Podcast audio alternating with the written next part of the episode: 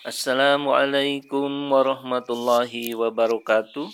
Hadirin dan hadirat yang berbahagia, kita kembali dengan Teguh Nasir Ahmad di dalam deresan tentang hidup. Dan sekarang sampai pada pola yang ketiga yakni sabar. Dan sudah dijelaskan variabel-variabel sabar dan sekarang sampai pada variabel yang uh, ketiga yakni amanah. Amanah menurut kamus adalah kepercayaan jujur ya. Kemudian ada yang disebut dianah.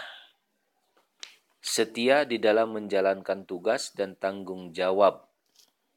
Nah, jadi masih termasuk arti daripada amanah itu. Kemudian hadirin yang berbahagia, ada enam bentuk amanah. Artinya bahwa orang yang disebut amanah ini akan memiliki sifat-sifat seperti ini, ya unsur-unsur ini harus ada di dalam dirinya. Dan kalau tidak ada berarti dia bukan orang yang amanah. Satu, bahwa orang amanah itu dia tidak rakus. Yang kedua, tidak tamak yang ketiga, dia tidak malas, tidak lalai, tidak pelupa, dan dia tidak lengah. Artinya harus selalu bersemangat, harus disiplin, harus selalu membiasakan diri dan harus harus khusyuk. Bentuk yang keempat dari orang amanah ini tidak bodoh. Jadi dia harus cerdas. Yang ketiga, yang kelima, tidak bohong, tidak pendusta. Harus selalu menyelaraskan diri antara ucapan, perilaku, dan hatinya. Dan yang keenam, orang yang amanah itu tidak sombong, tidak takabur. Dia selalu rendah hati, tawaddu. Nah itulah eh, enam bentuk daripada amanah. Kemudian hadirin yang berbahagia, karena amanah ini adalah merupakan uh, akhlak dasar atau bahkan dikatakan akar alami ya yang sudah diberikan yang dianugerahkan oleh Allah Subhanahu wa taala. Nah, maka di sini kita harus mengetahui siapa yang nantinya akan mendapatkan uh, julukan si amanah ini. Jadi untuk itu mari kita simak sama-sama Mudah-mudahan nantinya kita juga bisa bercermin apakah kita ini orang yang amanah atau kita ini hanya sebagai seorang bayi yang tidak suka kepada eh, hal-hal uh, yang buruk. Nah, untuk ini kita sama-sama renungkan. Corak akhlak yang dapat meninggalkan kejahatan adalah akhlak yang disebut amanah atau dianah yakni tidak suka merugikan orang lain dengan jalan merampas harta benda orang lain secara licik dan dengan niat jahat. Hendaknya jelas bahwa dianah yakni kejujuran, amanah dapat dipercaya merupakan salah satu keadaan alami manusia. Untuk itulah bayi yang masih menyusu pun disebabkan oleh umurnya yang masih dini memiliki kepolosan alami. Dan kemudian dikarenakan oleh umur yang masih dini tadi, ia belum biasa terhadap kebiasaan-kebiasaan buruk. Ia demikian rupa tidak menyukai milik orang lain. Sehingga ia sulit sekali menetek dari perempuan yang lain. Jika di waktu masih belum punya kesadaran, tidak ditetapkan seorang ibu inang, ya, ibu susu, maka ketika sudah memiliki kesadaran, sangatlah sukar memberikan susu kepadanya dari perempuan yang lain. Dan jiwanya sangat menderita. Dan mungkin sekali akibat penderitaan itu ia bisa mati. Sebab secara alami ia tidak suka menyusu dari perempuan yang lain. Nah, hadirin yang berbahagia, apa rahasia yang terkandung di dalam ketidaksukaan semacam itu? Tidak lain adalah karena ia secara alami tidak suka meninggalkan ibunya lalu beralih kepada barang milik orang lain. Sekarang, jika kita perhatikan, kita renungkan, dan kita selami hakikat kebiasaan bayi tersebut, maka akan nampak dengan jelas kepada kita bahwa kebiasaan tidak menyukai milik orang lain sampai-sampai ia rela menyusahkan dirinya sendiri itu adalah akar dari diana itu adalah akar dari amanah dan dalam hal akhlak diana seseorang tidak dapat dikatakan jujur selama ia seperti bayi tersebut belum menimbulkan di dalam dirinya rasa benci dan jijik yang sesungguhnya terhadap harta benda orang lain. Akan tetapi, bayi tidak menerapkan kebiasaan itu pada tempatnya. Dan karena belum berakal, maka ia memikul cukup banyak penderitaan. Oleh karenanya, kebiasaan serupa itu hanyalah gejala keadaan alami belaka yang secara spontan diperlihatkannya, sehingga tingkah lakunya itu tidak dapat digolongkan sebagai ahlaknya, walaupun itu e, merupakan akar ahlak diana dan akar daripada ahlak amanah dapat dipercaya.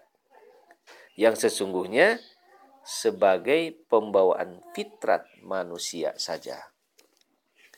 Seperti halnya bayi tidak dapat dikatakan amin atau terpercaya dan mutadayin jujur karena tingkah lakunya yang belum berdasarkan pada pertimbangan akal. Begitu pula seorang tidak dapat dikatakan memiliki akhlak tersebut karena tidak mempergunakan keadaan alami itu pada tempatnya. Untuk menjadi orang yang amin dapat dipercaya, diana kejujuran dan amanah tadi ya bukanlah suatu hal yang mudah selama manusia belum memperhatikan segala segi maka ia tidak dapat disebut amin. Tidak disebut seorang yang amanah atau diana si jujur. Nah berkenaan dengan hal ini Allah Subhanahu wa taala berfirman dalam surat An-Nisa ayat yang kelima. Yang artinya dan janganlah kamu serahkan kepada orang-orang yang belum sempurna akalnya harta mereka yang ada dalam kekuasaanmu yang dijadikan Allah sebagai pokok kehidupan. Berilah mereka belanja dan pakaian dari hasil harta itu dan ucapkanlah kepada mereka kata-kata yang baik. Jadi hadirin yang berbahagia, bagaimana kita harus hati-hatinya ketika kita punya tanggung jawab amanah ini terhadap saudara-saudara kita mungkin yang ditinggalkan oleh orang tuanya, ya, para anak yatim. Jadi kita harus benar-benar memperhatikan persyaratan-persyaratan yang disampaikan oleh Islam ini. Nah ini ada satu cara yang yang apa nama yang baik untuk kita eh, pelajari ya. Di kalangan bangsa Arab zaman dahulu terdapat satu cara yang lazim bagi para pengurus harta seperti itu. Yaitu jika pengurus anak-anak yatim ingin mengambil dari harta anak-anak itu, maka sedapat mungkin hendaknya mereka mentaati kaidah ini. Yaitu mereka mengambil keuntungan atau laba dari hasil usaha perputaran harta anak-anak yatim itu dan jangan menghancurkan modal pokoknya. Jadi ketika kita diberikan amanah dititipi harta anak yatim yang belum e, dewasa ya masih lemah, kita mau mengambil daripadanya bisa dijadikan modal. Tetapi amanahnya di sini harus dijaga betul. Jangan sampai modal itu hancur. Nah, kita boleh memakan sebagiannya dari hasil usaha tersebut. Jadi ke arah tradisi inilah diisyaratkan supaya kita pun menerapkan demikian. Kemudian dia Allah Subhanahu wa taala berfirman dalam surat An-Nisa ayat 10 sampai 11, apabila kamu hendak mengembalikan harta kepada anak-anak yatim, maka serahkanlah harta mereka itu di hadapan saksi-saksi.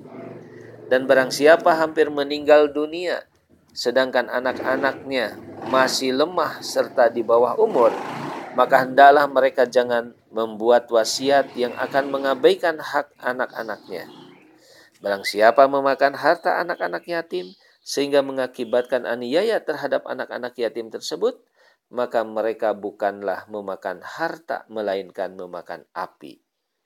Dan pada akhirnya mereka akan dimasukkan ke dalam api yang menyala-nyala. Hadirin yang berbahagia, kini kita perhatikan betapa hebatnya Allah Subhanahu wa taala menjelaskan aspek-aspek mengenai kejujuran dan eh, dapat dipercaya ini, yakni amanah. Jadi diana, kejujuran, amanah dapat dipercaya yang hakiki ialah yang merangkum segala aspek tersebut. Dan jika di dalam amanah itu semua aspek tidak diperhatikan tanpa disertai bimbingan akal sepenuhnya, maka diana dan amanah seperti itu akan diiringi oleh beraneka ragam unsur hianat yang terselubung melalui berbagai cara. Padahal dalam hal ini Allah Subhanahu wa taala berfirman dalam surat Al-Baqarah ayat 188, A'udzubillahi minasyaitonirrajim. Bismillahirrahmanirrahim. Wala ta'kulu amwalakum bainakum bil batil wa tudlu biha ilal hukami litakulu fariqam min amwalin nas bil ismi wa antum ta'lamun. Yakni janganlah kamu memakan harta benda kepunyaan sesama kamu dengan jalan yang tidak sah. Dan jangan kamu memberikan harta kamu kepada petugas pemerintah sebagai suapan, sehingga dengan bantuan si petugas itu kamu menguasai harta orang lain. Nah, ini bisa masuk ke dalam tamak hadin yang berbahagia. Jadi harus sangat hati-hati di dalam hal ini jangan sampai kita ini yang seharusnya tadi amanah malah kita jadi berkhianat. Mudah-mudahan ini sedikit penjelasan gambaran tentang amanah bisa kita eh, praktekkan di dalam kehidupan kita sehari-hari dengan baik dan benar. Jadi kita harus benar-benar memperhatikan situasi dan kondisinya ya. Jangan sampai kita terjerumus kepada khianat. Banyak sekali sebenarnya tentang amanah-amanah yang harus kita jaga. Kita tidak hanya berfokus kepada satu barang yang dititipkan kepada kita tetapi termasuk kepada Islam ini juga adalah merupakan amanah kepada kita yang harus kita laksanakan, harus kita jalankan dan harus kita sampaikan kepada orang-orang yang lain. Nah, kalau kita tidak melakukan hal itu, maka kita akan termasuk orang-orang yang berkhianat. Nauzubillah min. Mudah-mudahan Allah Ta'ala memelihara kita dan insya Allah kita jumpa lagi besok hari. Wabillahi taufiq wal hidayah. Wassalamualaikum warahmatullahi wabarakatuh.